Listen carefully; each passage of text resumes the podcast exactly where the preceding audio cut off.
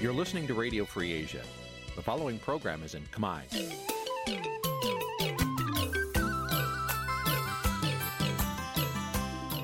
នេះជាកម្មវិធីផ្សាយ Vuthu Azizi Serai នេះជាកម្មវិធីផ្សាយរបស់ Vuthu Azizi Serai ជាភាសាខ្មែរ Vuthu Azizi Serai សូមស្វាគមន៍លោកអ្នកនាងទាំងអស់ពីរដ្ឋធានី Washington នៃសហរដ្ឋអាមេរិក ចាប់ពីរដ្ឋធានី Washington នាងខ្ញុំម៉ៅសុធានីសូមជម្រាបសួរលោកអ្នកស្ដាប់ទាំងអស់ជាទីមេត្រីចាយើងខ្ញុំសូមជូនការផ្សាយសម្រាប់ព្រឹកថ្ងៃអាទិត្យ11កើតខែពិសាឆ្នាំថោះបញ្ញស័កពុទ្ធសករាជ2566ហើយដល់ត្រូវនៅថ្ងៃទី30ខែមេសាគ្រិស្តសករាជ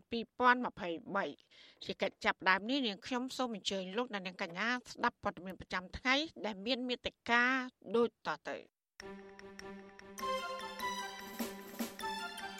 ប្រពន្ធលោកថាច់សេដ្ឋារិគុណតឡាការថាចាប់ប្តីរបស់អ្នកស្រីដាក់ពន្ធនាគារគឺជារឿងអយុត្តិធម៌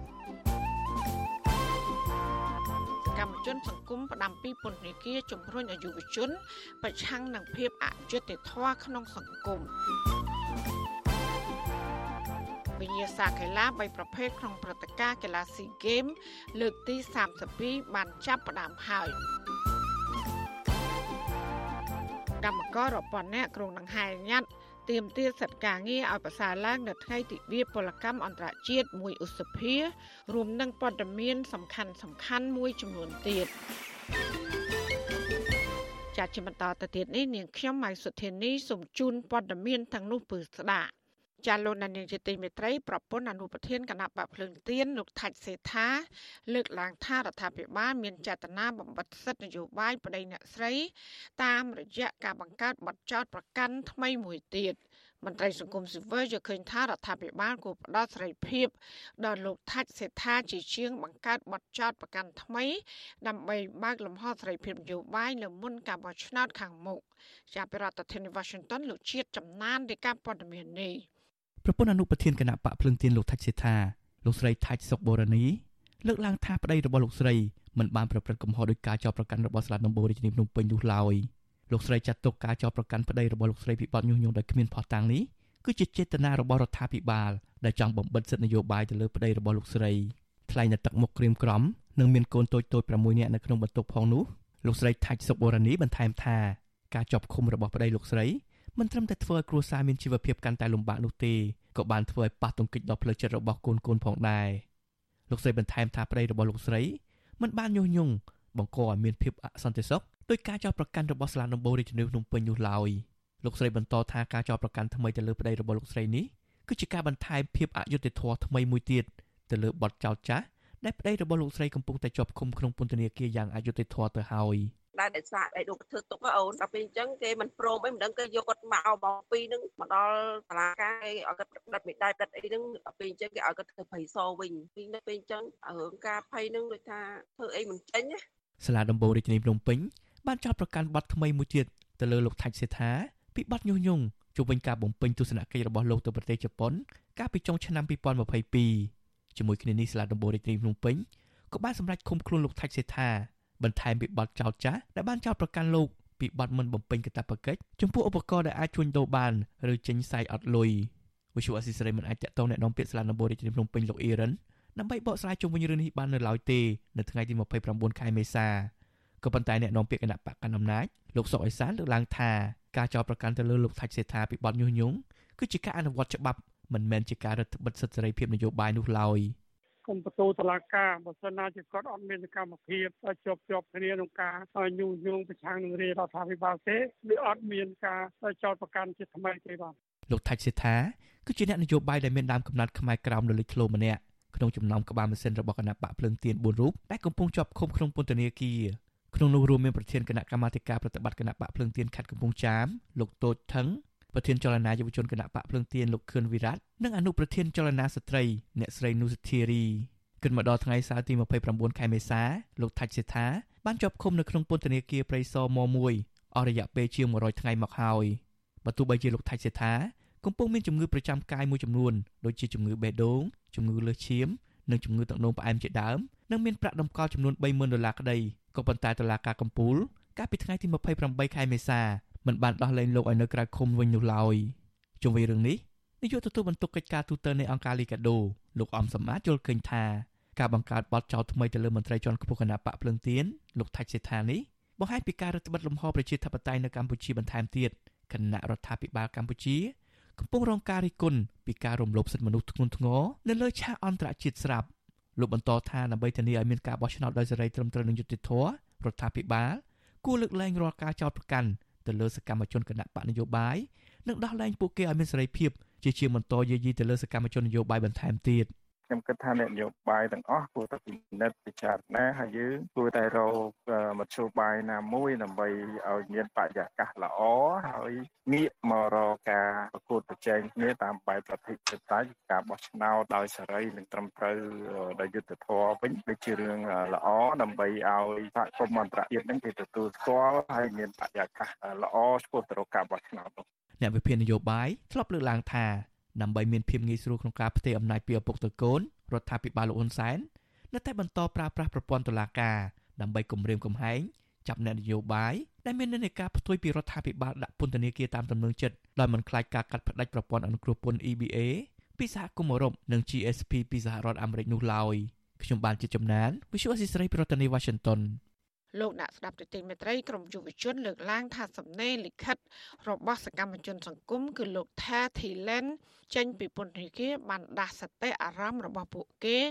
ឲ្យប្រឹងប្រែងងើបឡើងតស៊ូនឹងភាពអយុត្តិធម៌ក្នុងសង្គមសកម្មជនសង្គមរូបនេះត្រូវបានតុលាការខេត្តកណ្ដាលចាប់ឃុំខ្លួនបណ្ដោះអាសន្នវិបត្តិលួចលួចអចលនវត្ថុរបស់អ្នកដទៃ ប៉ុន្តែសង្គមស៊ីវិលលើកឡើងថាការចាប់ខ្លួនយុវជនរូបនេះគឺជាការបំបិទសិទ្ធិសេរីភាពបញ្ចេញមតិទៅលើបញ្ហាជនជាតិវៀតណាមរស់នៅកម្ពុជាដែលខុសច្បាប់ជាជាងការអនុវត្តនីតិវិធីច្បាប់លើបទចោតចាលោកយ៉ងច័ន្ទរារាយការណ៍ព័ត៌មាននេះបន្ទាប់ពីមានការចែកចាយសារលិខិតរបស់លោក Tel Thilen នៅតាមបណ្ដាញសង្គម Facebook ដែលរៀបរាប់ពីការទទួលរងភាពអយុត្តិធម៌ក្រោយពីជាប់ឃុំក្នុងពន្ធនាគារជាង6ខែនេះមក ក្រមយុវជនសិទ្ធិមនុស្សបានសម្ដែងការអាណិតអាសូរចំពោះរូបលោកនិងយកស្ថានភាពនាពេលនេះជំរុញទឹកចិត្តរបស់ពួកគាត់ឲ្យកាន់តែក្រោកឡើងតស៊ូមតិចំពោះភាពអយុត្តិធម៌ក្នុងសង្គមថែមទៀតសមាជិកក្រុមខ្មែរថាវរៈអ្នកស្រីឈឿនដារាវីប្រាប់វិទ្យុអាស៊ីសេរីនៅថ្ងៃទី29មេសាថាសកម្មភាពរបស់លោក Tel Thilen មិនមែនជាការញុះញង់នោះទេក៏ប៉ុន្តែជាការបញ្ចេញមតិដោយមើលឃើញពីជ្រុងមួយនៃសង្គម ហើយការចោទប្រកាន់មកលើរូបលោកនោះគឺជារឿងអយុត្តិធម៌ ទោះបីតែកូនក្មេងក៏ដឹងថាតឡាការសពថ្ងៃបែបមិនដែរអញ្ចឹងដូចជាវាអត់មានអីថ្មីហើយមហាជនក៏ច្បាស់ទៅទៀតថាសង្គមសពថ្ងៃហ្នឹងបែបមិនដែរចឹងសង្ឃឹមថាអាចនឹងមានការប្រែប្រួលបើសិនជាយើងម្នាក់ម្នាក់រួមគ្នាឃើញនៅរឿងអយុត្តិធម៌ហើយនិយាយជាជាងឃើញថាសង្គមវាបែបហ្នឹងហើយហើយទទួលយកអាភិបអយុត្តិធម៌ដែលនៅតែបន្តកើតមានដោយមិននិយាយណាការលើកឡើងបែបនេះ ក្រោយពេលសម្បត្តិសរសេរដោយដៃដោយបិចពណ៌ខៀវចុះថ្ងៃទី25ខែមីនាដែលទើបបែកធ្លាយនៅលើបណ្ដាញសង្គមថ្មីថ្មីនេះក្រោមចំណងជើងថាពាក្យរត់ការគឺជាការប្រព្រឹត្តអំពើពុករលួយ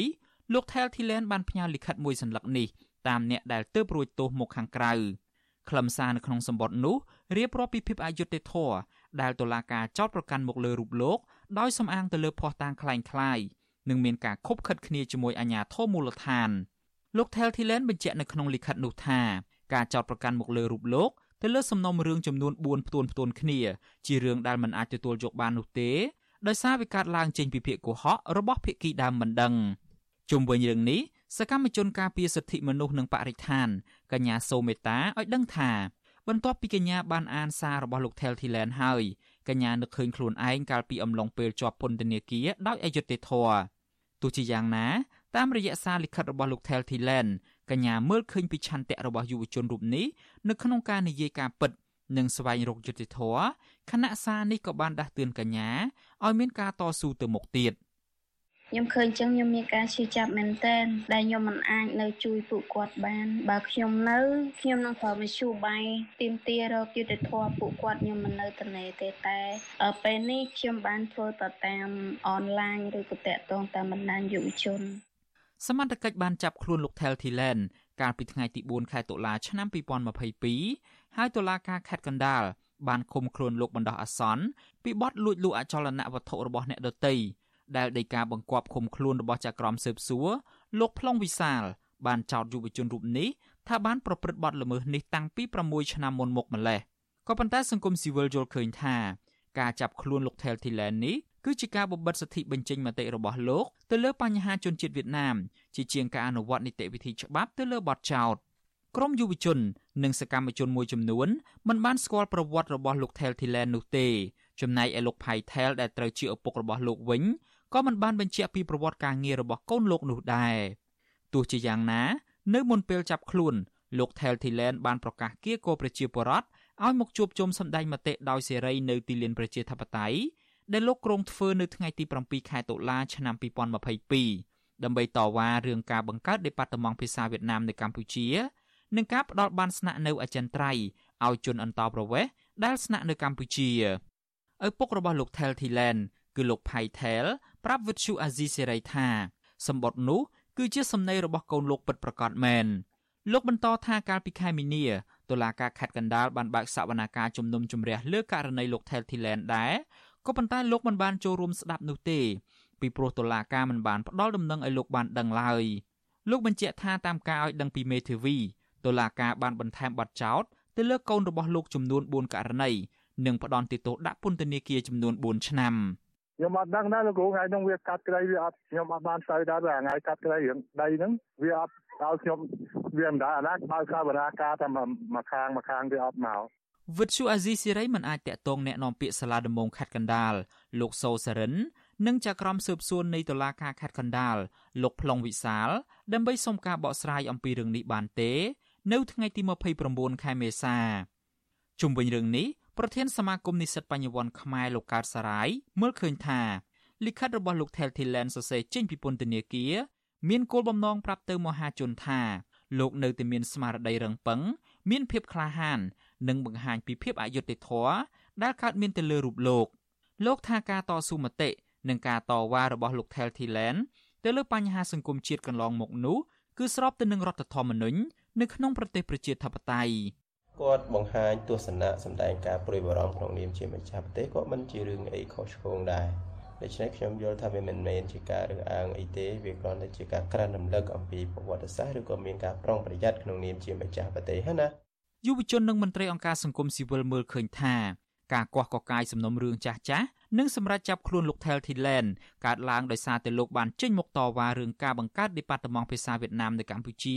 និងការផ្ដល់បានស្នាក់នៅអចិន្ត្រៃយ៍ឲ្យជនអន្តោប្រវេសន៍ដែលស្នាក់នៅប្រទេសកម្ពុជាពួកគាត់ចាត់ទុកថាការចាប់ខ្លួនបែបនេះគឺជាការបំបិទសម្លេងប្រជាពលរដ្ឋនិងសេរីភាពនៃការបញ្ចេញមតិដែលផ្ទុយពីគោលការណ៍លទ្ធិប្រជាធិបតេយ្យ ខ្ញុំយ៉ងច័ន្ទដារាវិទ្យុអាស៊ីសេរី Washington លោកនានីជាទីមេត្រីពាក់ព័ន្ធនឹងមន្ត្រីគណៈបកភ្លើងទៀនម្នាក់ទៀតដែលត្រូវបានអភិបាលខេត្តកណ្ដាលលុបឈ្មោះចេញពីក្របខ័ណ្ឌមន្ត្រីរាជការស៊ីវិលនោះលោកបានអះអាងថាលោកមិនបានដឹងខ្លួនជាមុនសោះស្រាប់តែសុកសុកត្រូវបានគេហៅឲ្យទៅយកលិខិតលុបឈ្មោះចេញពីក្របខ័ណ្ឌទាំងមិនបានធ្វើអ្វីខុសពីលក្ខន្តិកៈមន្ត្រីរាជការនោះឡើយ ចា៎នេះគឺជាសកម្មភាពមួយទៀតរបស់លោកចងច័ន្ទរាជំវិញព័ត៌មាននេះលេខាគណៈបកភ្លើងទៀនខេត្តកណ្ដាលលោកផុនសុភា ចាត់ទុកការលុបឈ្មោះរបស់លោកចេញពីក្របខ័ណ្ឌមន្ត្រីរាជការស៊ីវិលពីសំណាក់អភិបាលខេត្តកណ្ដាលលោកកុងសុភ័ណ្ឌថាជារឿងនយោបាយនិងជាការប្រើប្រាស់អំណាចផ្ដាច់ការគ្មានច្បាប់ទម្លាប់ខណៈនីតិវិធីគ្រប់គ្រងមន្ត្រីរាជការមុនការលុបឈ្មោះមន្ត្រីណាមួយចេញពីក្របខ័ណ្ឌគឺត្រូវឆ្លងកាត់ការហៅទៅសួរនាំ ដើម្បីប្រមានផ្ទាល់មាត់ជាមុនសិនហើយប្រសិនបើមិនកែប្រែត្រូវប្រមានជាលាយលក្ខណ៍អក្សរនិងចុងក្រោយត្រូវបង្កើតគណៈកម្មការវិន័យដើម្បីសួរដេញដោលក៏ប៉ុន្តែលោកផុនសុភាប្រាប់វិទ្យុអាស៊ីសេរីនៅថ្ងៃទី29ខែមេសាថាលោកត្រូវបានអភិបាលខេត្តកណ្ដាលលុបឈ្មោះចេញពីក្របខ័ណ្ឌមន្ត្រីរាជការស៊ីវិលដោយស្ងាត់ស្ងាត់ទាំងដែលលោកមិនបានធ្វើខុសនិងមិនបានឆ្លងកាត់ការហៅទៅសួរនាំផ្ទាល់មាត់ឬក៏ប្រមានជាលេខអក្សរអ្វីនោះឡើយ លោកបន្តថាកាលពីរសៀលថ្ងៃសុក្រទី28ខែមេសាលោកត្រូវបានគេហៅឲ្យទៅយកលិខិតលុបឈ្មោះចេញហើយមន្ត្រីសាលាខេត្តកណ្ដាលមិនបានបញ្ជាក់ពីមូលហេតុច្បាស់លាស់ឡើយដោយគ្រាន់តែប្រាប់ថាធ្វើឡើងតាមបញ្ជាពីថ្នាក់លើ ថ្ងៃនេះអត់មានអីសោះខ្ញុំធ្វើការសុកសុកប្រាប់តែដីកាបណ្ដឹងចេញតែម្ដងนั่นគឺវាខុសនីតិវិធីទាំងស្រុងខុសទាំងច្បាប់ទៀតឧទាហរណ៍ឧបមាថាខ្ញុំមានកំហុសទៅចុះក៏ត្រូវមាននីតិវិធីធ្វើចំពោះខ្ញុំដែរតែនេះខ្ញុំមិនខុសហើយធ្វើខុសនីតិវិធីទៀតគឺនៅសុកសុកដីកាចេញមកតែម្ដងគឺវាវាមិនដឹងថាយកស្អីមកនិយាយយកស្អីមកធ្វើលិខិតលុបឈ្មោះមន្ត្រីរាជការស៊ីវិលដោយអភិបាលខេត្តកណ្ដាលលោកកុងសុភ័ណ្ឌចុះថ្ងៃទី20ខែមេសាបញ្ជាក់ថាការលុបឈ្មោះលោកផុនសុភា មន្ត្រីបម្រើការងារនៅការិយាល័យកសាងសមត្ថភាពនីតិចាត់ការគ្រប់គ្រងធនធានមនុស្សសាលាខេត្តកណ្ដាលចេញពីក្របខ័ណ្ឌមន្ត្រីរដ្ឋបាលថ្នាក់ក្រោមជាតិគឺដោយសារមូលហេតុសម័យខ្លួន បានប្រព្រឹត្តផ្ទុយពីមាត្រាទី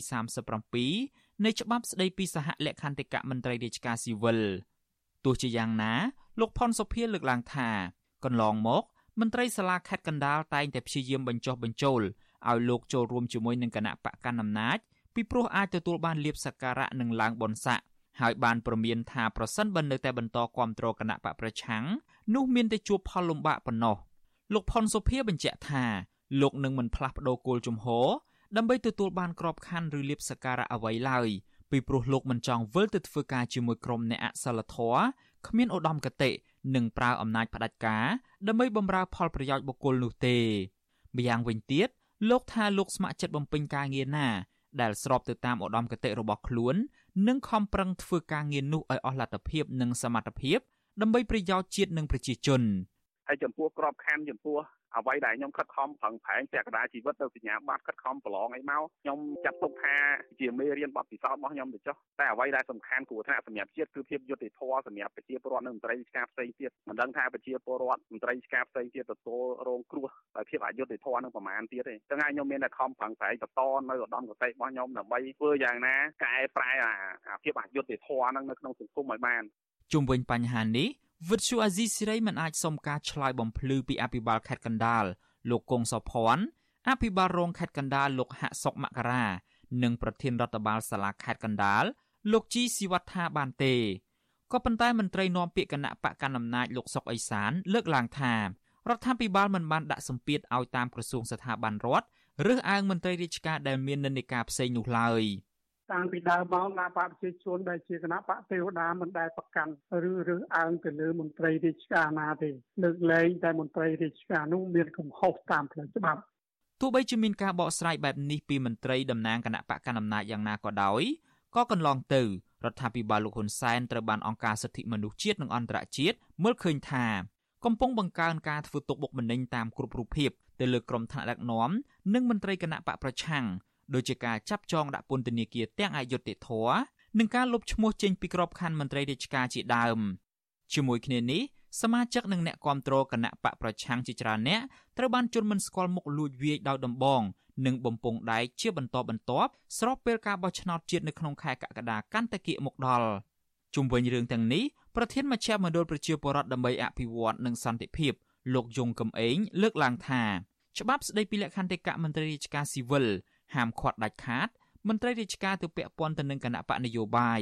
ក៏ប៉ុន្តែច្បាប់រៀបចំការបោះឆ្នោតអនុញ្ញាតឲ្យមន្ត្រីរាជការអាចធ្វើសកម្មភាពនយោបាយបាននៅក្រៅម៉ោងធ្វើការលោកបន្តថាប្រសិនបើមានការអនុវត្តច្បាប់ទៅលើបុគ្គលនិងក្រុមណាមួយដោយមិនបានអនុវត្តជាទូទៅនោះវាជាការរើសអើងដោយសារតែរឿងនយោបាយ ពាក់ព័ន្ធដោយការអនុវត្តច្បាប់បើកាលណាថាមានការ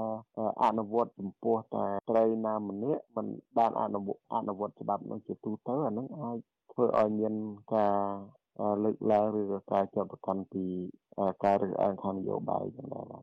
លោកផុនសុភាបានចូលធ្វើការងារជាមន្ត្រីរាជការនៅឆ្នាំ2009បន្ទាប់ពីប្រឡងជាប់ក្របខ័ណ្ឌនៅក្រសួងការងារបណ្ដុះបណ្ដាលនិងវិជ្ជាជីវៈនិងក្រោយពីរៀនចប់នៅសាលាភូមិន្ទរដ្ឋបាល លោកក៏បានជ្រើសរើសទៅធ្វើការងារនៅក្រសួងមហាផ្ទៃដោយត្រូវបានបញ្ជូនទៅធ្វើការនៅសាលាខេត្តកំពង់ធំ ហើយនៅឆ្នាំ2016លោកក៏បានផ្លាស់មកបម្រើការងារនៅក្នុងសាលាខេត្តកណ្ដាលលោកផុនសុភាបញ្ជាក់ថាលោកបានក្លាយជាយុវជនគ្រប់គ្រងគណៈបកសង្គ្រោះជាតិជាយូរឆ្នាំមកហើយរួមមានការចូលរួមតវ៉ាការធ្វើជាអ្នកស្ម័គ្រចិត្តខ្លំមើលមិនឲ្យជនបរទេសចូលបោះឆ្នោតនិងការជួយការងារគណៈបកជាច្រើនទៀតរហូតលោកត្រូវបានបញ្ចូលឈ្មោះទៅក្នុងរចនាសម្ព័ន្ធគណៈបក និងធ្លាប់បានជាប់ឆ្នោតជាចៅសង្កាត់មកពីគណៈបកសង្គ្រោះជាតិនៅក្រុងតាខ្មៅក្នុងឆ្នាំ2017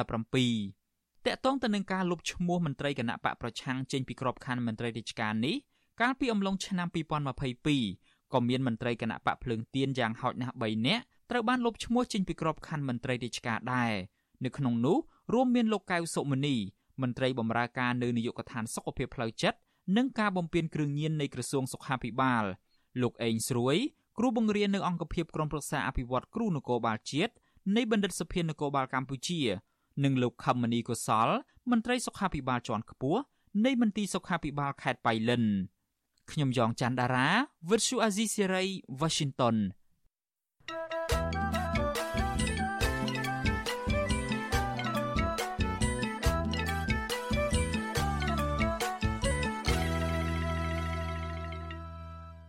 លោកអ្នកនាងកញ្ញាកំពុងស្ដាប់ការផ្សាយរបស់វិទ្យុអសីស្រី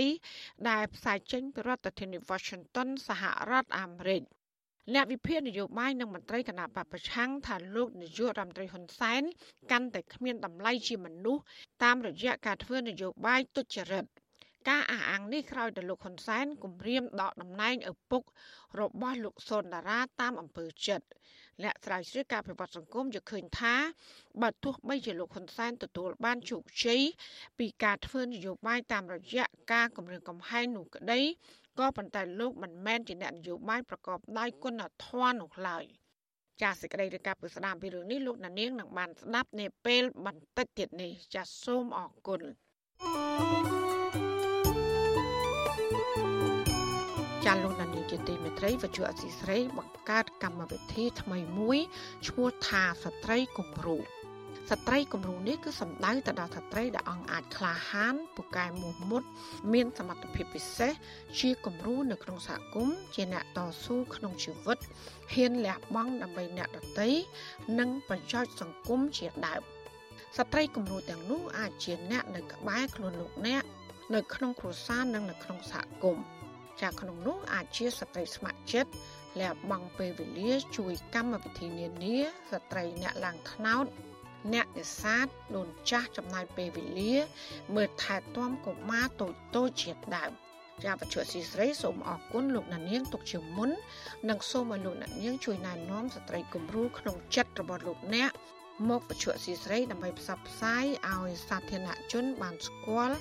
និងបានដឹងអំពីវីរភាពរបស់ពួកគាត់ចាលោកនាងអាចដាក់ឈ្មោះស្ត្រីគំរូក្នុងចិត្ត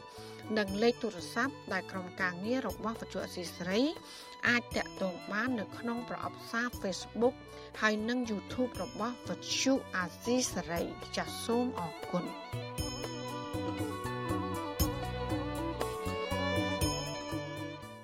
ចាលោកនានីជាទីមេត្រីពាក់ព័ន្ធនឹងសិទ្ធិត្រីភាពបញ្ចេញមតិនៅកម្ពុជានេះដែរមន្ត្រីគណៈបកភ្លើងទៀនលើកឡើងថានៅកម្ពុជាបច្ចុប្បន្នគ្មានទេសិទ្ធិត្រីភាពខាងការបញ្ចេញមតិការលើកឡើងនេះបន្ទាប់ពីរដ្ឋមន្ត្រីក្រសួងព័ត៌មានថ្លែងក្នុងកិច្ចពិភាក្សាជាមួយតំណាងក្រុមហ៊ុន TikTok នៅប្រទេសឡាវនិងប្រទេសមីយ៉ាន់ម៉ាឬភូមាថាកម្ពុជាពុំមានការរដ្ឋបិទសិទ្ធិត្រីភាពនោះឡើយ។ មន្ត្រីគណៈបកភ្លើងទៀនរីគុណថាការដែលរដ្ឋមន្ត្រីក្រសួងព័ត៌មាន លោកខៀវកញ្ញរិទ្ធឧត្តសាថាកម្ពុជាបើកលំហសិទ្ធិសេរីភាពនោះ ហាក់ប្រាចាកពីការពិត ពីព្រោះមន្ត្រីគណៈបកភ្លើងទៀននិងសកម្មជនសង្គមត្រូវបានអាជ្ញាធរក្រុងភ្នំពេញធ្វើទុកបុកម្នេញតាមប្រព័ន្ធតុលាការនិងចាប់ដាក់ពន្ធនាគារជាច្រើនអ្នកគ្រាន់តែពួកគេប្រើប្រាស់សិទ្ធិស្របតាមរដ្ឋធម្មនុញ្ញ អ្នកនាំពាក្យគណៈបកភ្លើងទៀនលោកគឹមសុភិរិទ្ធប្រាប់បច្ចុប្បន្នស៊ីស្រីនៅថ្ងៃទី29ខែមេសា ថាសិទ្ធិសេរីភាពក្នុងការបញ្ចេញមតិដែលលោកខៀវកញ្ញរិទ្ធបានលើកឡើងទំនងហាក់ជាសិទ្ធិនៅក្នុងបណ្ដាញសង្គមនិងនិយាយអំពីស្រាបៀរឬក៏អាចជាសិទ្ធិជួបជុំក្នុងការប្រគំតន្ត្រីជាដើមក៏ប៉ុន្តែលោកថាបើការសម្ដែងមតិបង្ហាញពីការពិតនិងការរិះគន់ពីបញ្ហាសង្គម ដើម្បីឲ្យមានការស្ថាបនានោះបែរជាចាប់ដាក់ពន្ធនាគារហើយអ្នកមួយចំនួនទៀតជាប់ពាក្យបណ្ដឹងនៅតុលាការទៅវិញ។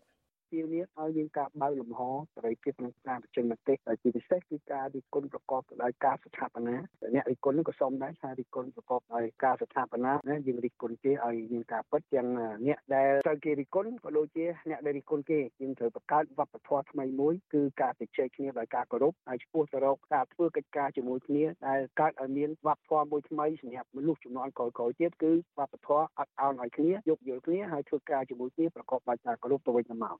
ប្រតិកម្មរបស់មន្ត្រីបកភ្លើងទៀននេះគឺនៅបន្ទាប់ពីលោកខៀវកញ្ញរិទ្ធបានថ្លែងក្នុងកិច្ចពិភាក្សាជាមួយតំណាងក្រុមហ៊ុន TikTok ប្រទេសឡាវនិងប្រទេសមីយ៉ាន់ម៉ាកាលពីថ្ងៃទី28ខែមេសាថាកម្ពុជាពុំមានការរដ្ឋបတ်សិទ្ធិភាព ក្នុងការបញ្ចេញមតិនោះទេគោលបំណងនៃកិច្ចពិភាក្សានេះ គឺដើម្បីបង្កើនកិច្ចសហប្រតិបត្តិការនិងចូលរួមធ្វើឲ្យលំហមេត្តាព័ត៌មាននៅលើបណ្ដាញទំនាក់ទំនងសង្គម TikTok មានសុវត្ថិភាពនិងការទទួលខុសត្រូវក្នុងសង្គម លើពីនេះលោកខៀវកញ្ញរិទ្ធក៏បានបញ្ជាក់ថានឹងក្រុងរៀបចំសិក្ខាសាលាស្ដីពីការប្រើប្រាស់ TikTok ប្រកបដោយសុវត្ថិភាពនិងបង្រៀនវគ្គបណ្ដុះបណ្ដាល ដល់អង្គភាពជំនាញពាក់ព័ន្ធនឹងការប្រើប្រាស់បណ្ដាញសង្គម TikTok នៅខែឧសភាខាងមុខ ជំវិញរឿងនេះដែរប្រធានសមាគមការពារសិទ្ធិមនុស្សអាត6លោកនីសុខាឲ្យដឹងថាការលើកឡើងរបស់លោកខៀវកញ្ញរិទ្ធមិនឆ្លោះបញ្ចាំងពីការអនុវត្តសិទ្ធិមនុស្សនៅកម្ពុជានោះឡើយបើសិនបើកម្ពុជាមានសិទ្ធិសេរីភាពពិតប្រាកដមិនមែនសហភាពអឺរ៉ុបដកប្រព័ន្ធអនុគ្រោះពន្ធ EBA 20%និងសហរដ្ឋអាមេរិកមិនបន្តប្រព័ន្ធអនុគ្រោះពន្ធ GSP នោះទេ លោកបន្តថាមិនមែនគ្រប់ការបញ្ចេញមតិនៅក្នុងបណ្ដាញសង្គមទាំងអស់សុទ្ធតែបង្ហាញថាកម្ពុជាមានសិទ្ធិសេរីភាព ហើយរដ្ឋាភិបាលគួរតែទទួលយកមតិស្របនិងមតិផ្ទុយដើម្បីកែតម្រូវចំណុចខ្វះខាតឲ្យកាន់តែប្រសើរ។ រដ្ឋាភិបាលគួរតែហ៊ាននៅក្នុងការទទួលយកការពិតឬក៏ទទួលយកនៅអនុសាសន៍របស់អង្គការសហជីវជាតិរបស់សហគមន៍អន្តរជាតិពិសេសសហគមន៍អឺរ៉ុបឬក៏ដូចជាសហរដ្ឋអាមេរិកប្រទេសប្រកាន់ប្រជាធិបតេយ្យមួយចំនួនដើម្បីយកមកពិចារណាថ្លឹងថ្លែងនិងធ្វើការដោះស្រាយជាជាងយើងធ្វើការបដិសេធនៅបាយការក៏ដូចជាការរកឃើញរបស់គេហើយយើងមិនព្រមធ្វើការដោះស្រាយអានឹងវាជារឿងមួយដែលធ្វើឲ្យរដ្ឋាភិបាលយើងមិនអាចដោះស្រាយតាក់ទងទៅនឹងបញ្ហាសិទ្ធិមនុស្សនឹងបានទេ កន្លងទៅរដ្ឋាភិបាលលោកហ៊ុនសែនបានប្រើប្រព័ន្ធតុលាការជាឧបករណ៍ដើម្បីបង្ក្រាបចាប់ខ្លួនថ្នាក់ដឹកនាំនិងមន្ត្រីគណៈបកភ្លើងទៀនជាបន្តបន្ទាប់ក្រៅតែប្រចាប់មន្ត្រីគណៈបកភ្លើងទៀន3នាក់ដាក់ពន្ធនាគារដែលរួមមានប្រធានគណៈកម្មាធិការប្រតិបត្តិគណៈបកនេះនៅខេត្តកំពង់ចាម គឺលោកតូចថងប្រធានចលនាយុវជនគណៈបកភ្លើងទៀនលោកខឿនវិរៈព្រមទាំងអនុប្រធានចលនាស្ត្រីអ្នកស្រីនូសុធារី ថ្មីថ្មីនេះតឡាកាក៏បានចាប់ប្រកាន់លោកថាច់ស៊ីថាអនុប្រធានគណៈបកភ្លើងទៀនពីបទញុះញង់បន្ថែមពីលើការចេញសែកអត់ប្រាក់ហើយដែលបរដ្ឋមួយចំនួនរិះគន់ថាមានចរិតនយោបាយលើសពីនេះនៅមានសកម្មជនសហជីពកញ្ញាឈឹមស៊ីធសកម្មជនសង្គមកញ្ញាសេងធីរី និងសកម្មជនជាង70នាក់ទៀត ត្រូវបានតឡាការចាប់ដាក់ពន្ធនាគារទាំងអយុត្តិធម៌ដោយសារតែពួកគេប្រព្រឹត្តសិទ្ធិទាមទារសិទ្ធិភាពស្របតាមរដ្ឋធម្មនុញ្ញតែប៉ុណ្ណោះការរំលោភសិទ្ធិមនុស្សធ្ងន់ធ្ងរបែបនេះហើយដែលធ្វើឲ្យសហរដ្ឋអាមេរិកសហភាពអឺរ៉ុបនិងអ្នកជំនាញអង្គការសហប្រជាជាតិចេញសេចក្តីថ្លែងការណ៍ថ្កោលទោសនិងដាក់ទណ្ឌកម្មផ្នែកសេដ្ឋកិច្ចនៅកម្ពុជាកាន់តែខ្លាំង។ ចាលោកនាងជាទីមេត្រីវັດឈុអសីស្រីសូមជូនដំណឹងថាយើងគ្មានអ្នកយកព័ត៌មានប្រចាំនៅប្រទេសកម្ពុជានោះឡើយបើសិនជាមានជនណាម្នាក់អះអាងថាជាអ្នកយកព័ត៌មានឲ្យវិទ្យុអសីស្រីនៅកម្ពុជានោះគឺជាការក្លែងបន្លំយកឈ្មោះរបស់វិទ្យុអសីស្រី ក្នុងគោលបំណងទុច្ចរិតរបស់បុគ្គលនោះចាសសូមអរគុណចាលោកនាយកជាទីមេត្រីក្រុមកម្មការរោងចក្រកាត់ដេរនិងបុគ្គលិក ក្នុងវិស័យផ្សេងផ្សេងជាច្រើនទៀតក្រុងប្រមូលផ្ដុំគ្នាដាក់ដង្ហែក្បួនដាក់ញត្តិទៅក្រសួងស្ថាប័នរដ្ឋពាក់ព័ន្ធនៅថ្ងៃច័ន្ទទី1ខែឧសភាខាងមុខដែលជាទិវាពលកម្មអន្តរជាតិការដាក់ញត្តិនេះគឺដើម្បីទាមទារសិទ្ធិការងារឲ្យប្រសើរឡើង និងដោះស្រាយបញ្ហាប្រឈមនានាដែលពួកគេកំពុងជួបការលំបាក ចាសសូមលោកអ្នកនាងកញ្ញារងចាំស្ដាប់បទសម្ភាសជាមួយប្រធានសហភាពការងារកម្ពុជាជុំវិញបញ្ហានេះនៅក្នុងការផ្សាយរបស់យើងនាពេលបន្តិចទៀតនេះ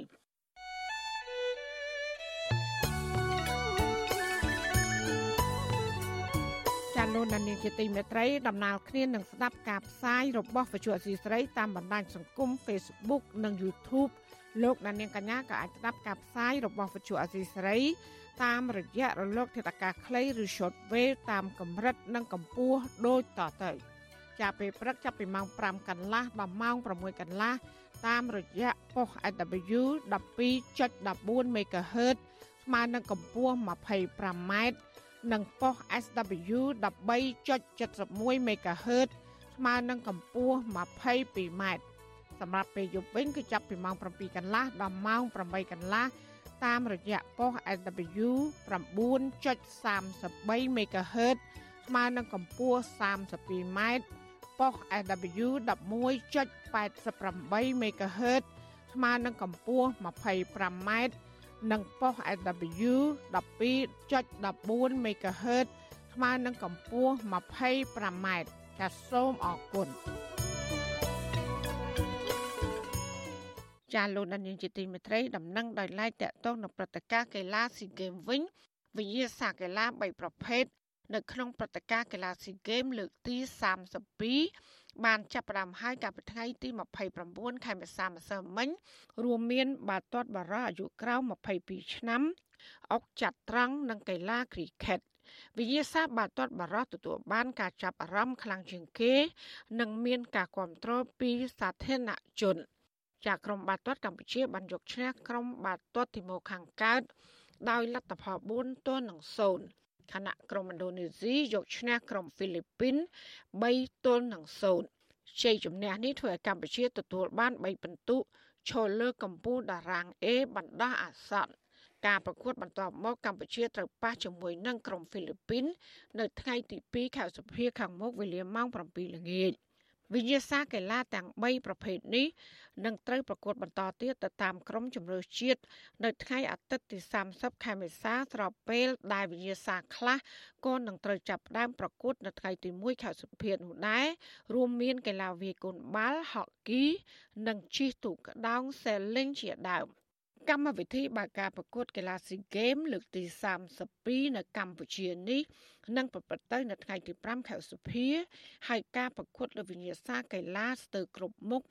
នឹងចាប់ផ្ដើមពីថ្ងៃទី6ខែសុភា បន្តរហូត ដល់ពេលបិទបញ្ចប់នៅថ្ងៃទី17ខែឧសភាខាងមុខ លោកទាបាញ់រដ្ឋមន្ត្រីក្រសួងការពារជាតិនិងជាប្រធានគណៈកម្មាធិការជាតិរៀបចំបដកាកីឡាស៊ីហ្គេមនិងអាស៊ានប៉ារ៉ាហ្គេមឲ្យដឹងថាកម្ពុជា បានចំណាយថវិកាចំនួន118លានដុល្លារអាមេរិកក្នុងការរៀបចំបដកាកីឡាថ្នាក់តំបន់មួយនេះ។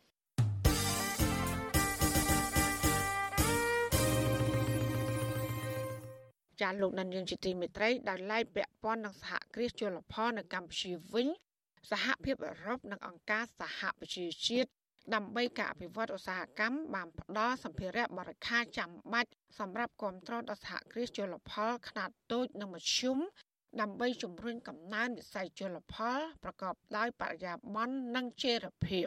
សេចក្តីប្រកាសព័ត៌មានរួមរបស់ស្ថាប័ននេះ កាលពីថ្ងៃទី28ខែឧសភាឲ្យដឹងថាតាមរយៈកម្មវិធីអនុវត្តបច្ចេកវិទ្យាបៃតង បែបនុវានុវត្តនឹងការផ្ដល់សម្ភារៈបរិខាទាំងនោះ គឺមានគោលដៅឲ្យសហគ្រាសទាំងនោះធ្វើឲ្យប្រសើរឡើង ផ្នែកផលិតកម្មប្រតិបត្តិការអាជីវកម្ម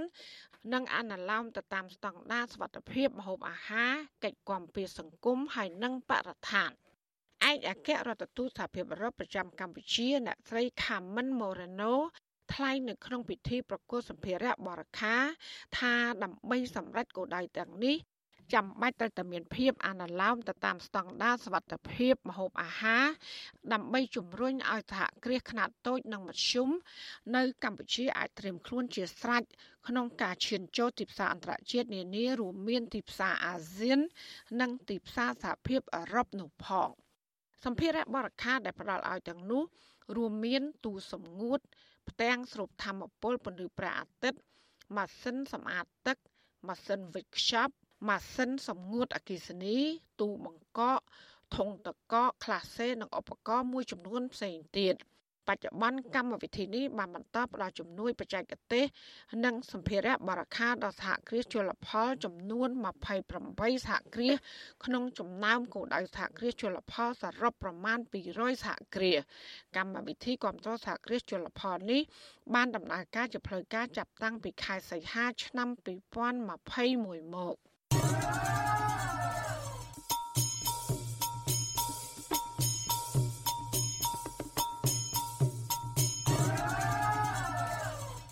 ចាលោកដានីលជាទីមេត្រី នៅឯខេត្តកោះកុងអនុវិញ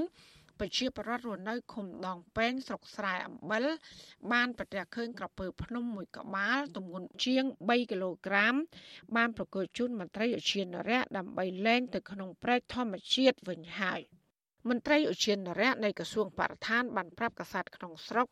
ថាក្រោយពីបានសហការជាមួយមន្ត្រីជំនាញរបស់អង្គការសត្វព្រៃនិងរុក្ខជាតិអន្តរជាតិ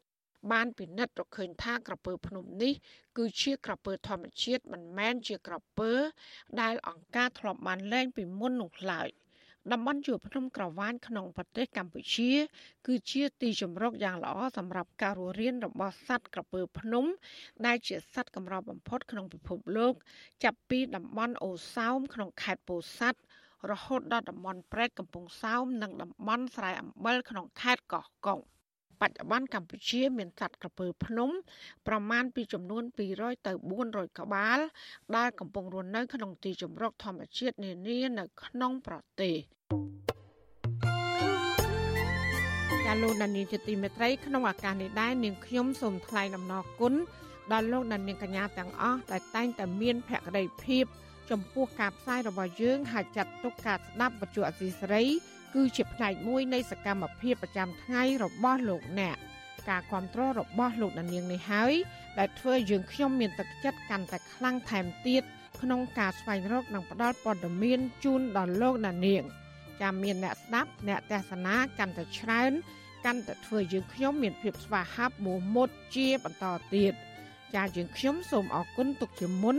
ហើយក៏សូមអញ្ជើញលោកដានៀងកញ្ញាចូលរួមជំរុញឲ្យសកម្មភាពផ្ដល់ព័ត៌មានរបស់យើងនេះកាន់តែជោគជ័យបន្ថែមទៀតលោកដានៀងអាចជួយយើងខ្ញុំបានដោយគ្រាន់តែចុចចែករំលែកឬ share ការផ្សាយរបស់យើងនេះនៅលើបណ្ដាញសង្គម Facebook និង YouTube ទៅកាន់មិត្តភ័ក្តិដើម្បីឲ្យការផ្សាយរបស់យើងនេះបានទៅដល់មនុស្សកាន់តែច្រើនចាសសូមអរគុណ ចាលោកនាងកញ្ញាជាទីមេត្រីមន្ត្រីគណៈបកប្រជាជាតិនិងអ្នកវិភាគនយោបាយលើកឡើង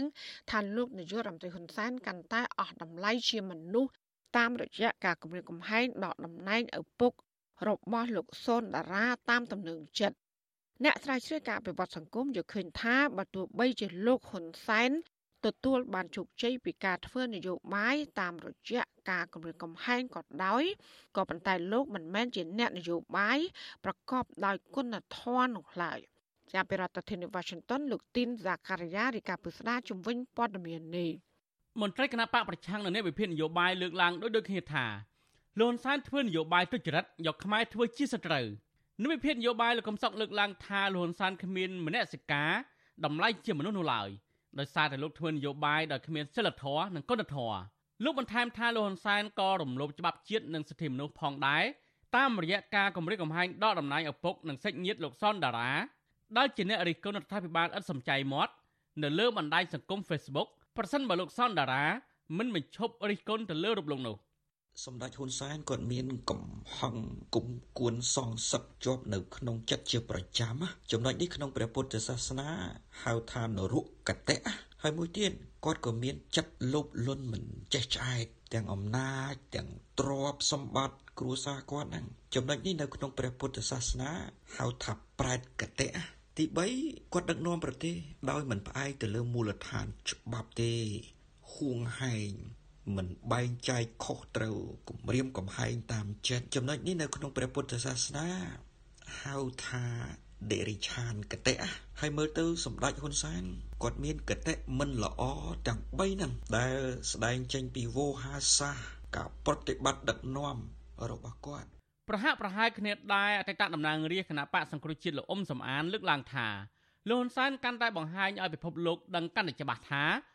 លោកគ្មានតម្លៃជាមនុស្សនោះឡើយ លោកបន្ថែមថាបើទោះបីជាលោកហ៊ុនសែនមានអំណាចក្នុងការដកក្របខ័ណ្ឌពីមន្ត្រីថ្នាក់ក្រោមក្តីក៏លោកគ្មានហេតុផលត្រឹមត្រូវតាមច្បាប់ ដើម្បីដកទូនាទីសាច់ញាតិរបស់លោកសនរាដែរលោកអ៊ុំសំអានបន្តថាការគម្រិតកំហែងរបស់លោកហ៊ុនសែនបែបនេះបានធ្វើឲ្យបរដ្ឋដឹងកាន់តែច្បាស់អំពីការដឹកនាំបែបផ្ដាច់ការដើម្បីបំបិតមាត់អ្នកដែលហ៊ានរិះគន់លោកហើយតាមច្បាប់បច្ចុប្បន្ននេះទាំងនៅកម្ពុជា ទាំងនៅលើពិភពលោក កាលណាបុគ្គលណាម្នាក់ប្រព្រឹត្តខុសអីគឺបុគ្គលហ្នឹងជាអ្នកទទួលទោសអត់អាចទៅក្រុមគ្រួគ្រួសារពុកម្ដាយទទួលទោសជាមួយឬទទួលទោសជំនួសនោះទេ ការដែលលោកហ៊ុនសែនពមៀនដកតំណែងឪពុកម្ដាយលោកសុនដារាហើយនិងប្អូនថ្លៃលោកសុនដារាហ្នឹងគឺគាត់លែងមានតម្លៃជាមនុស្សហើយហើយគាត់ក៏គ្មានភាពជាអ្នកដឹកនាំទៀតដែរហើយជាមេដឹកនាំដែលអន់ រកលេខដាក់គ្មានណាប្រតិកម្មរបស់អ្នកវិភាគនិងមន្ត្រីបកប្រឆាំងនេះធ្វើឡើងបន្ទាប់ពីលោកហ៊ុនសែនបានគម្រាមដកតំណែងទូនាទីរបស់ឪពុកលោកសុនដារានៅចំពោះមុខមន្ត្រីរាជការរាប់ពាន់នាក់នៅក្នុងពិធីចែកសញ្ញាបត្រនៅវិជាស្ថានជាតិអប់រំកាលពីថ្ងៃទី25មេសាបើឯងចង់សះមើលបើឪម៉ែឯងមិនបដៅទេថ្ងៃក្រោយអញដកឪម៉ែឯងចេញបងប្អូនឯងចេញពីការងារទាំងអស់កុំឲ្យឯងឆ្លើយពេកមើលវាឆ្លើយហួសអាមួយនោះ ឯងចង់ដឹងមើលឯងចង់ដឹងមើលពេលណាមួយអញហៅឪឪម៉ែឯងមកបដៅអញហៅប្អូនថ្លៃឯងពាក់សាក់4ទៀតឪឯងពាក់សាក់4កន្លះហើយកុំភ្លេចថាអញដកកវត្តចោលទាំងអស់ហើយអានោះតាំងស្រីកុំយកឪម៉ែខ្ញុំបងប្អូនខ្ញុំមកធ្វើចំណាំផងលន់សែនប្រមានដកតំណែងឪពុកលោកសុនដារានេះដោយសារតែលោកខឹងនឹងការធ្វើអធិប្បាយរបស់លោកសុនដារាអំពីការខ្ជិះខ្ជាយរបស់រដ្ឋាភិបាល ក្នុងការចំណាយថវិកាជាតិរាប់លានដុល្លារតាមរយៈការមិនយកថ្លៃស្នាក់នៅហូបចុករបស់ប្រតិភូកីឡាដែលមកចូលរួមប្រកួតកីឡា SEA Games ក្រៅពីការប្រើអំណាចទាមបំពេញច្បាប់ក្នុងការដកតំណែងមន្ត្រីរដ្ឋាភិបាលលោកហ៊ុនសែនក៏ធ្លាប់ប្រើប្រព័ន្ធតុលាការចាប់កូនប្រុសសកម្មជនគណបកសង្គ្រោះជាតិដាក់ពន្ធនាគារក្រោមបទញុះញង់ទាំងអយុធធរជាបន្តបន្ទាប់ផងដែរកុមារាកសវណ្ណឆៃដែលទើបតែមានអាយុ16ឆ្នាំនិងមានជំងឺអូទីសឹមផងនោះ ក៏ធ្លាប់រងអំពើហិង្សាពីក្រុមបាតដៃទី3ដែលគេជឿថាជាក្រុមពីលរបស់គណបកកណ្ដាលអំណាចដោយបានគប់ដុំថ្មចំក្បាលនិងរងរបួសធ្ងន់ធ្ងរផងដែរលើសពីនេះទៀតបរដ្ឋមិនទាន់បំភ្លេចនៅឡើយអំពីការប្រើប្រាស់ប្រព័ន្ធតុលាការដើម្បីរំលាយគណៈបកសង្គ្រោះជាតិដែលគណៈបកនេះទទួលបានការគ្រប់គ្រងពីប្រជាពលរដ្ឋកន្លះនគរក្នុងឆ្នាំ2017លន់សានក៏គ្មានភាពអៀនខ្មាស់ក្នុងការបែងចែកអាសនៈសភាទាំង45កៅអី ទៅឲ្យគណៈបកនយោបាយដែលជាកូនជឹងរបស់លោកនោះក្រៅពីចាប់ប្រធានគណៈបកសង្គ្រោះជាតិលោកកម្មសខាដាក់ឃុំឃាំងនិងរំលាយគណៈបកសង្គ្រោះជាតិចោលរួចលន់សានក៏បានប្រើប្រាស់ប្រព័ន្ធតុលាការហាមឃាត់ថ្នាក់ដឹកនាំគណៈបកនេះចំនួន118នាក់មិនឲ្យធ្វើសកម្មភាពនយោបាយរយៈពេល5ឆ្នាំនិងប្លន់យកអាសនៈឃុំសង្កាត់គណៈបកសង្គ្រោះជាតិចំនួនជាង5000អាសនៈនៅទូទាំងប្រទេសថែមទៀតផងជាមួយគ្នានេះសមាជិកគណៈបកសង្គ្រោះជាតិរាប់រយនាក់ត្រូវបានបង្ខំចិត្តភៀសខ្លួនសំសិទ្ធចរកោននៅក្រៅប្រទេស ដើម្បីរក្សាសវត្ថិភាពរបស់ខ្លួនក្នុងនោះក៏មានសកម្មជនសិទ្ធិមនុស្សអ្នកសារព័ត៌មាននិងសកម្មជនបរិស្ថានផងដែរដោយឡែកកាលពីពេលថ្មីថ្មីនេះរដ្ឋាភិបាលរបស់លោកហ៊ុនសែនបានកាត់ទោសឲ្យប្រធានគណៈបកសង្គ្រោះជាតិលោកកម្មសខាឲ្យជាប់ឃុំឃាំងនៅក្នុងផ្ទះពីបទក្បត់ជាតិរហូតដល់ទៅ27ឆ្នាំឯណោះគណៈសកម្មជននយោបាយគណៈបកប្រឆាំងជាង50នាក់ទៀតនៅតែបន្តជាប់ឃុំក្នុងពន្ធនាគារក្រោមបទចោទរួមគណិតក្បត់និងញុះញង់ជុំវិញនឹងរឿងនេះ អ្នកស្រាវជ្រាវផ្នែកអភិវឌ្ឍសង្គមបណ្ឌិតសេនស៊ូរីយល់ឃើញថាបើទោះបីជាលោកហ៊ុនសែនតែងតែទទួលបានជោគជ័យពីការប្រើប្រាស់វិធីសាស្ត្រគម្រិតកំហែងដើម្បីឲ្យដៃគូប្រកបប្រជែងនយោបាយចោះចូលជាមួយលោកក្តីក៏ប៉ុន្តែទង្វើបែបនេះបានធ្វើឲ្យលោកហ៊ុនសែនកាន់តែប្រះចាកពីគោលការណ៍ធ្វើនយោបាយប្រកបដោយសិលធម៌លោកបន្ថែមថាបើទោះបីជាលោកសុនដារាប្រកាសកាត់ការឪពុកម្ដាយរបស់ខ្លួនក្តីក៏មិនអាចចាត់ទុកលោកថា ជាកូនមិនដឹងគុណឪពុកម្ដាយនោះឡើយពីព្រោះលោកធ្វើនេះដោយការបង្ខំចិត្តតែប៉ុណ្ណោះហើយឪពុកម្ដាយរបស់លោកសុនដារាវិញក៏ថ្កោលទោសកូនរបស់ខ្លួននោះទាំងបង្ខំចិត្តដូចគ្នាដែរដើម្បីរក្សាសុវត្ថិភាពនិងទូនាទីរបស់ខ្លួននៅពេលដែលមេដឹកនាំម្នាក់ប្រើប្រាស់ភាសា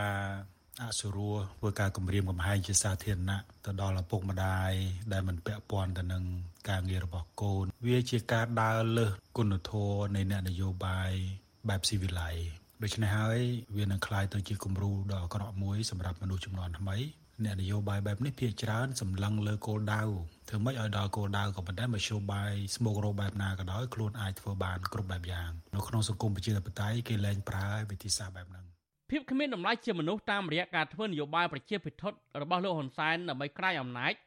មិនត្រឹមតែលោកហ៊ុនសែនគ្មានក្តីសុខផ្លូវចិត្តតែប៉ុណ្ណោះទេទង្វើរបស់លោកហ៊ុនសែនបែបនេះ ក៏ជាគំរូអាក្រក់ដល់កូនចៅរបស់ត្រកូលហ៊ុនផងដែរ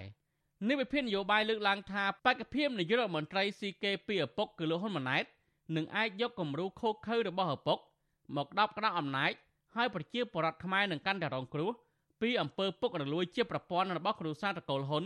ប្រសិនបើពួកគេមិនផ្លាស់ប្ដូររបៀបដឹកនាំដែលគ្មានតម្លៃជាមនុស្សក្នុងការបោះឆ្នោតនាពេលខាងមុខទេនោះខ្ញុំធីនសាការីយ៉ាអស៊ីសេរីប្រធានីវ៉ាស៊ីនតោន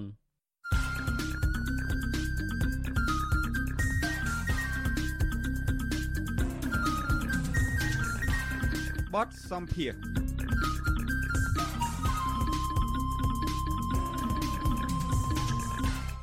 លោកអ្នកនាងកញ្ញាកំពុងស្ដាប់ការផ្សាយរបស់វិទ្យុអសីស្រីផ្សាយចេញពីរដ្ឋធានី Washington សហភាពការងារកម្ពុជា ដែលមានក្រុមកម្មកររោងចក្រកាត់ដេរនិងបុគ្គលិកក្នុងវិស័យផ្សេងផ្សេងទៀតក្រុងប្រមូលផ្ដុំគ្នាដាក់ដង្ហែក្បួនដាក់ញត្តិទៅក្រសួងស្ថាប័នរដ្ឋពាក់ព័ន្ធនៅថ្ងៃច័ន្ទទី1ខែឧសភាខាងមុខ ដែលជាទិវាពលកម្មអន្តរជាតិការដាក់ញត្តិនេះគឺដើម្បីទាមទារសិទ្ធិការងារឲ្យប្រសើរឡើង និងដោះស្រាយបញ្ហាប្រឈមនានាដែលពួកគាត់កំពុងជួបការលំបាកចាសសូមលោកអ្នកនាងស្ដាប់បទសម្ភាសន៍របស់លោកសេកបណ្ឌិត ជាមួយលោកអាត់ធុនប្រធានសហភាពការងារកម្ពុជាជុំវិញបញ្ហានេះដូចតទៅបាទសូមជម្រាបសួរលោកអាត់ធុនពីចម្ងាយបាទជម្រាបសួរបាទ ចង់ឲ្យលោកអាត់ធុនរៀបរាប់បន្តិចមើលថាតើគម្រោងរៀបចំដើរដង្ហែក្បួននៅខួបសិទ្ធិការងារនេះតើនឹងរៀបចំយ៉ាងដូចម្តេចខ្លះហើយចាប់ផ្ដើមដើរដង្ហែក្បួនគ្រូងតម្រាយភ្លើងពីណាទៅណាដែរលោកអាត់ធុនបាទបាទសូមអរគុណច្រើនលោកសេចបណ្ឌិតហើយសូមជម្រាបជូនទៅដល់បងប្អូនកម្មករនិយោជិតនិងជនរួមជាតិដែលថានៅថ្ងៃទី1ខែឧសភាឆ្នាំ2023នេះគឺជាខួបលើកទី137នៃទិវាប្រកម្មអន្តរជាតិ ហើយសហភាពការងារកម្ពុជារួមទាំងសហព័ន្ធសហជីពសមាគមរហូតដល់ទៅ9វិស័យនិងអង្គការសមាគមពាក់ព័ន្ធផ្សេងទៀតនឹងរៀបចំកម្មវិធីនេះដែលយើងគ្រោងនឹងជួបគ្នានៅមុខសួនច្បារក្រមឧស្សាហ៍អភិវឌ្ឍកម្ពុជា CDC ដែលគ្រូមានគ្នារហូតដល់2000នាក់ហើយចំនួននេះបើយើងគិតមើលក្នុងរយៈពេល7ឆ្នាំចុងក្រោយនេះគឺយើងហាក់បីដូចជាចំនួនច្រើនគួរសមព្រោះពេលមុនយើងអាចធ្វើត្រឹមតែ1000 1000ជាងតែប៉ុណ្ណេះហើយ បន្ទាប់ពីជួបជុំគ្នានៅសួនច្បារក្រមឧស្សាហ៍អភិវឌ្ឍកម្ពុជាហើយយើងនឹងហែនៅម្ដុំជុំវិញវត្តភ្នំហើយចិត្តនៅស្ថានទូតអាមេរិកហើយបន្ទាប់មកក៏យើងវិលត្រឡប់មកធ្វើកម្មវិធីនៅកន្លែងដែលសួនច្បារក្រមឧស្សាហ៍អភិវឌ្ឍកម្ពុជាវិញសារតែផែនការដើមគឺយើងស្នើទៅជួបជុំគ្នានៅរដ្ឋសភាហើយធ្វើវិធីនិងប្រគល់ញត្តិប៉ុន្តែសាលាក្រុង ក៏ដូចជាអាជ្ញាធរពាក់ព័ន្ធហ្នឹងគឺថាមិនអនុញ្ញាតឲ្យយើងរៀបចំទេហើយដែលមិនមានជំរើសយើងក៏សម្រេចចិត្តថាយើងធ្វើ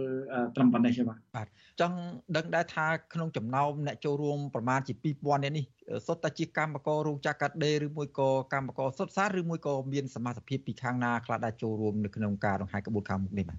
ហើយជាជិត60%គឺថាកម្មកររោងចក្រកាត់ដេរ ប៉ុន្តែយើងក៏អញ្ជើញពី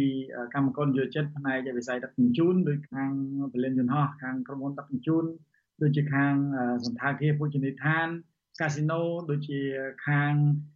កសិកម្មជាការកស៊ូជាការដុំប្រេងអីចឹងជាដើមជាការជែកដូចជាខាងវិស័យសំណង់អ្នកដែលធ្វើការនៅក្រុមហ៊ុនផលិតសំណង់ឬក៏ក្រុមហ៊ុនដែលសាងសង់ដូចជាខាងកសិករ ខាងឧស្សាហកម្មផលិតម៉ូតូរៀបចំដំឡើងឡានឬក៏ផ្នែកឧស្សាហកម្មផ្លាស្ទិកដូចជាផ្នែកមួយចំនួនទៀតខាងសេដ្ឋកិច្ចក្រៅប្រព័ន្ធដែលរួមទាំងអ្នកដែលដឹកបញ្ជូនឡានធំជាដើមហ្នឹងរហូតដល់ទៅ9វិស័យដែលយើងគិតទៅសរុបទៅគឺថាគ្រប់វិស័យតែម្ដងនៅក្នុងពេលដែលយើងរៀបចំនេះបាទ បាទជាទម្លាប់ក្នុងការដើរហែកក្បួនមួយឆ្នាំមួយឆ្នាំហ្នឹងឃើញថាមានលើកបដាទៀមទីឲ្យដោះស្រាយបញ្ហាប្រឈមរបស់កម្មករនយោជិតបុគ្គលិកដែលធ្វើការនៅក្នុងវិស័យផ្សេងផ្សេងហើយពេលនោះក៏មានរៀបចំជាញត្តិដាក់ទៅក្រសួងស្ថាប័នសម័យក្នុងរដ្ឋាភិបាលនិងអង្គការអន្តរជាតិ មួយចំនួនផងដែរចង់ដឹងថាតើក្នុងឆ្នាំនេះញត្តិដែលគ្រោងដង្ហែទៅជូនដល់ស្ថាប័នរដ្ឋព្រឹទ្ធសភារដ្ឋសភានិងអង្គការផ្សេងផ្សេងសំខាន់សំខាន់អង្គទូតអីផងនោះតើក្នុងញត្តិនេះនឹងលើកយកបញ្ហាអ្វីខ្លះជាសំខាន់នោះបាទបាទរឿងទី1ដែលយើងគិតថានៅតែជាអតិភិបដែលយើងរៀបចំសំណើហើយ18ចំណុចនោះគឺថាពាក់ព័ន្ធនឹងស្នើឲ្យរដ្ឋាភិបាល រៀបចំឲ្យមានការកំណត់ប្រាក់ឈ្នួលសម្រាប់កម្មករនិយោជិតផ្នែកវិស័យវិជ្ជាភ័ណ្ឌហ្នឹងគឺរហូតដល់250ដុល្លារហើយក៏ឲ្យរៀបចំប្រាក់ឈ្នួលអបបរមាសម្រាប់វិស័យដទៃទៀតដូចជាខាងទេសចរដឹកជញ្ជូនឬក៏ខាងសំណង់និងខាងកសិកម្មជាដើមដែលពួកគេបានទទួលប្រាក់ឈ្នួលស្រេចតែអំពើចិត្តបនយោជកតែប៉ុណ្ណោះហើយក៏ស្នើមានការបញ្ចុះនៅតម្លៃប្រេងឥន្ធនៈឬក៏ជីកសិកម្មរួមទាំងការប្រាក់ធនាគារផ្សេងផ្សេង ហើយនឹងយើងស្នើឲ្យរដ្ឋាភិបាលហ្នឹងគឺថាអន្តរាគមឬក៏តម្លាក់ចោលនៅការចាត់ប្រកាន់ផ្សេងពីតឡាការទៅលើថ្នាក់នាំសហជីពច្រើនដូចជាថ្នាក់នាំសហជីពនៅក្រុមហ៊ុនលក់ថ្នាំពេទ្យ BE ដែលក្រុមហ៊ុនចាត់ប្រកាន់ហើយប្តឹងទៅតុលាការចាត់ប្រកាន់រឿងព្រមត្តនហើយដូចជាក្រុមកម្មករនៅក្រុមហ៊ុនជីងប៉ៃក្រុងសេនុដែលចាប់ ដាក់ពន្ធនាគារហើយឥឡូវគាត់ចេញព្រោះមិនទាន់មានការដោះមិនទាន់ដកបណ្ដឹងហើយរឿងករណីនាការដែលយើងដឹងថាជាករណីមួយដែលមានបងបន្លាយរយៈពេលជាងមួយឆ្នាំមកហើយហើយដូចជាកញ្ញាឈឹមស៊ីធក៏នៅតែជាបញ្ហានៅក្នុងពន្ធនាគារនៅឡើយហើយយើងក៏ស្នើឲ្យរៀបចំដោះស្រាយបញ្ហាមួយចំនួនទៀតរួមទាំងបង្កើតគោលនយោបាយច្បាប់ជាពិសេសកែប្រែច្បាប់សហជីពដែលមានការរឹតបន្តឹងសេរីភាពសហជីព រួមទាំងកំណត់ប្រភេទកម្មករដែលកម្មករតាម app ឬក៏កម្មករ LLC ដឹកជញ្ជូនទំនិញហ្នឹងដែលមិនមានការទទួលខុសត្រូវផ្លូវច្បាប់ហ្នឹងឲ្យមានការកំណត់និងពង្រីកវេលាជាតិបបសន្តិសង្គមនិងបញ្ហាមួយចំនួនជាក់លាក់ដែលប៉ះពាល់ជីវិតប្រចាំថ្ងៃរបស់កម្មករផងដែរយើងមានស្នើទៅខាងសេដ្ឋកិច្ចក្រៅប្រព័ន្ធខាងកសិករក៏ដូចជាខាងកម្មករក្នុងប្រព័ន្ធដែលមានលម្អិតនៅក្នុងសេចក្តីថ្លែងការណ៍ឬក៏សំណើរួមរបស់យើងផងដែរបាទបាទ អរគុណឥឡូវនេះសម្រាប់ញត្តិក្នុងឆ្នាំ2023នេះនឹងទាមទារឲ្យមានការចូលរួមដោះស្រាយទៅលើបញ្ហាប្រឈមរបស់ក្រមកម្មករនិងសមាជិកសមាជិកាពាក់ព័ន្ធនៅក្នុងវិស័យនេះក៏ប៉ុន្តែឥឡូវនេះខ្ញុំសូមត្រឡប់ទៅក្រោយបន្តិចគឺញត្តិកាលពីឆ្នាំទៅវិញឆ្នាំ2022អឺតើមកទល់នឹងពីនេះអ្វីដែលស្នើសុំទៅរដ្ឋាភិបាលនិងស្ថាប័នពាក់ព័ន្ធនោះតើចំណុចណាមួយដែលបានអនុវត្ត និងមានការឆ្លើយតបហើយចំណុចណាមួយដែលនៅមិនទាន់មានការឆ្លើយតបហើយកំពុងតែជាចំណុចប្រឈមរបស់កម្មករនិយោជិតនិងបុគ្គលិកនៅក្នុងវិស័យនានាដែលពាក់ព័ន្ធបាទបាទអ្វីដែលយើងឃើញថាមានការវិវត្តគឺចំណុចជាមួយប្រាក់ឈ្នួលសម្រាប់កម្មករកាត់ដេរមានការកើនឡើងពីចំនួន194ដុល្លារឡើងទៅចំនួន200ដុល្លារដែលចំនួននេះគឺជាចំនួនប្រសើរដែលយើងប្រៀបធៀបឆ្នាំចាស់ហើយទី2 គឺប្រព័ន្ធសន្តិសុខសង្គមគឺមានការអនុវត្តទៅរបបចូលនិវត្តន៍ដែលចាប់ផ្ដើមអនុវត្តនៅខែ10ឆ្នាំ2022កន្លងទៅកម្មករយោជិតមានឱកាសក្នុងការចូលនិវត្តន៍ដោយកម្មករយោជិតវិស័យសាធារណៈដែរហើយក្រៅពីនេះដូចមិនមានអីដែលមានការវិវត្តប្រសើរទេដូចជាសិទ្ធិកម្មករសេរីភាពសហជីពការបញ្ឈប់កម្មករឬក៏គោលនយោបាយច្បាប់សហជីពដែលមានការរឹតបន្តឹងរួមទាំងអឺ ដូចថាការយាយីឬក៏ការគម្រាមកំហែងទៅលើអ្នកនាំសហជីពផ្សេងៗនេះគឺថាដូចជាមិនមានអីប្រសើរទេបាទលោកអត់ធុនលើកឡើងមិញហ្នឹងថាក្នុងញត្តិដែលស្នើសុំឲ្យមានការដោះស្រាយនោះគឺថាមានច្រើននៅសល់ច្រើនចំណុចទៀតណាស់ដែលមិនទាន់បានការដោះស្រាយតើអាចថាមានមកពីមូលហេតុអីដែលមិនមានការដោះស្រាយជូនតាមសំណើតាមញត្តិរបស់ក្រមកម្មករនិយោជិតឬក៏បុគ្គលិកនៅក្នុងវិស័យផ្សេងៗទៀតនោះបាទសំណួរនេះល្អមែនទែនហេតុអីបានជាមិនមានការដំឡើង ហើយមិនមានការដោះស្រាយអ្វីដែលយើងមើលឃើញចំណុចអសកម្មជាច្រើនវាវាបានកើតឡើងសម្រាប់កម្មករយោជិតយើងចង់ឲ្យមានការដោះស្រាយប៉ុន្តែភាគីនយោជកឬក៏ភាគីរដ្ឋាភិបាលតែតែមានការបកស្រាយថាអ្វីដែលអឺវាមានការវិវត្តឬក៏មានការធ្វើនឹងវាប្រសើរឬក៏ដូចជាច្បាប់មួយចំនួនមានការបកស្រាយខ្វែងគ្នាពីភាគីកម្មករនិងភាគីនយោជកអញ្ចឹងជាដើមនេះគឺជារឿងមួយធំហើយមួយទៀតគឺយើង មើលឃើញថាពេលបច្ចុប្បន្ននេះសហជីពកម្មករសហជីពដែលគ្រប់គ្រងកម្មករហ្នឹងគឺមានដូចជាមិនច្រើនទេហើយទៀតសោតគឺថាតែនឹងមានការយាយីបំពេញបំពេញនិងការបន្ថយនៅអធិពលសហជីពរហូតដល់ឋានដឹកនាំមួយចំនួនត្រូវបានជាប់បណ្ដឹងឬក៏ពន្ធនាគារជាដើមនោះធ្វើឲ្យចលនានៃសហជីពឯករាជ្យនេះគឺថាមានការធ្លាក់ចុះប៉ុន្តែយើងមើលឃើញមានសហជីពដែលគ្រប់គ្រងក្រុមហ៊ុន គ្រប់គ្រងគណៈបកនយោបាយនិងរដ្ឋាភិបាលដូចជាមានលក្ខណៈប្រសើរជាងដែលធ្វើឲ្យមានឧបសគ្គដែរហើយនៅក្នុងពេលនេះគឺក្នុងនាមយើងជាតំណាងសហជីពយើងយល់ឃើញថាអាជ្ញាធររដ្ឋជាពិសេសសភានិងរដ្ឋាភិបាលគួរតែត្រូវគិតឲ្យបានដណ្ដល់អំពីច្បាប់ជាធរមានដែលមានពេលបច្ចុប្បន្នគួរថាត្រូវជំរុញអនុវត្តឲ្យបានត្រឹមត្រូវហើយធ្វើយ៉ាងណាគឺថាផ្ដល់ឱកាសនឹង អាហ្នឹងប្រយោជន៍ទៅដល់កម្មករឲ្យច្រើនតែខាន់តែបានហើយយើងក៏ឃើញថាប្រព័ន្ធយុតិធម៌របស់យើងគឺមិនទាន់មានអឺភាពសុក្រិតនៅឡើយគឺមានបញ្ហាច្រើនដែលដែលធ្វើឲ្យឈ្មួញក៏ដូចជាជនខិលខូចតែងតែមានឱកាសនៅក្នុងការបកស្រាយឬក៏យកអាបញ្ហា បណ្ដឹងឬក៏ទៀមទាឬក៏រឿងអយុត្តិធម៌ផ្សេងផ្សេងទៅធ្វើជាឧបករណ៍ផ្សេងផ្សេងដែលជាឧបសគ្គសម្រាប់កម្មករហើយឆ្នាំនេះក៏វាជាឆ្នាំមួយពិសេសដែរសម្រាប់កម្មករដោយសារជាឆ្នាំបោះឆ្នោតតំណាងរាស្ត្របោះឆ្នោតជាតិអញ្ចឹងសហជីពក៏បានគិតដែរអ្វីដែលយើងបានត្រៀមរៀបចំសំណើទាំងអស់នោះបន្ទាប់ពីថ្ងៃមួយឧសភាឬក៏កម្មវិធីដែលយើងបានធ្វើស្នើទៅរដ្ឋាភិបាលនិងសភាហើយ និងក្រសួងការងារយើងនឹងក៏ត្រៀមដាក់ទៅព្រះមហាក្សត្រក៏ដូចជាគណៈបកនយោបាយនៅក្នុងសភាក៏ដូចជាគណៈបកនយោបាយដែលមានការប្រកួតប្រជែងហ្នឹងដើម្បីឲ្យគណៈបកទាំងនោះដាក់ចូលក្នុងគោលនយោបាយរបស់ខ្លួនហើយ បើមានការសន្យាយើងនឹងចាំមើលថាតើគេសន្យាធ្វើអីហើយបើសិនជាគេធ្វើមិនបានវាជាការសន្មត់ឬក៏ជាការងារមួយដែលខកចិត្តពីខាងសហជីពឬក៏កម្មកររបស់យើងផងដែរខ្ញុំបាទសូមជម្រាបលោកអត់ធុនតែប៉ុណ្្នេះសិនបាទសូមអរគុណចា៎ជម្រាបលាលោកសេបណ្ឌិត ចាលោកនាងកញ្ញាទៅបានស្ដាប់បទសម្ភាសន៍របស់លោកសេកបណ្ឌិត ជាមួយនឹងប្រធានសហភាពការងារកម្ពុជាលោកអាត់ធុនជុំវិញការដាក់ញត្តិទាមទារសិទ្ធិការងារឲ្យប្រសើរឡើង និងដោះស្រាយបញ្ហាប្រឈមរបស់កម្មករដែលកំពុងជួបប្រទះ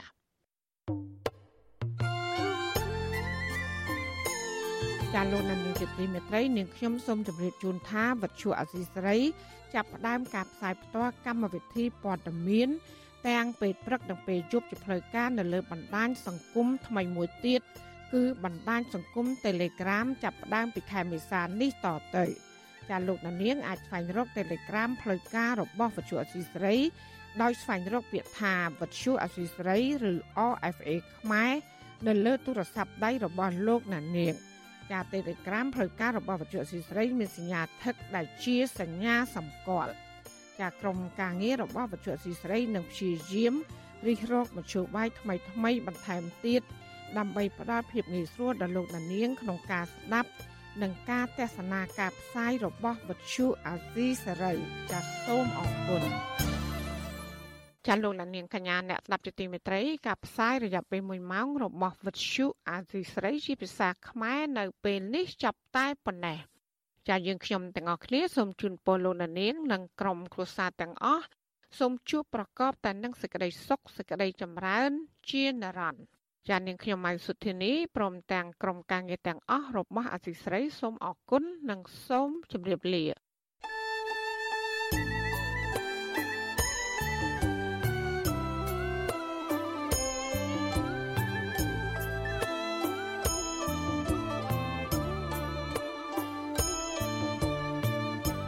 វិទ្យុអាស៊ីសេរីផ្សាយតាមរលក ធាតុអាកាសខ្លីតាមកម្រិត និងកម្ពស់ដូចតទៅនេះ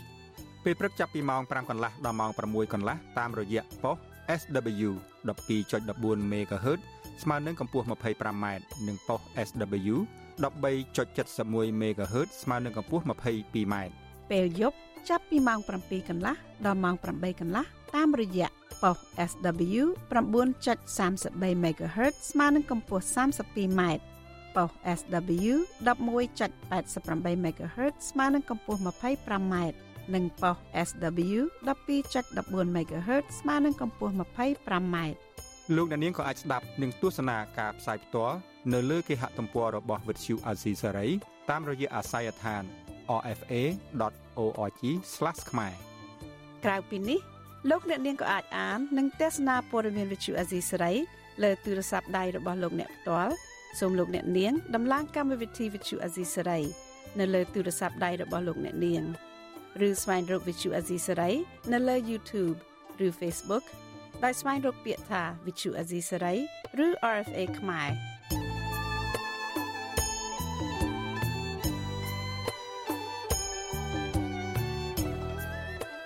សូមលោកអ្នកនាងចុច like follow និងចុច subscribe ដើម្បីទទួលបានព័ត៌មានថ្មីៗទាន់ហេតុការណ៍ និងទស្សនាវីដេអូផ្សេងៗទៀតបានគ្រប់ពេលវេលា។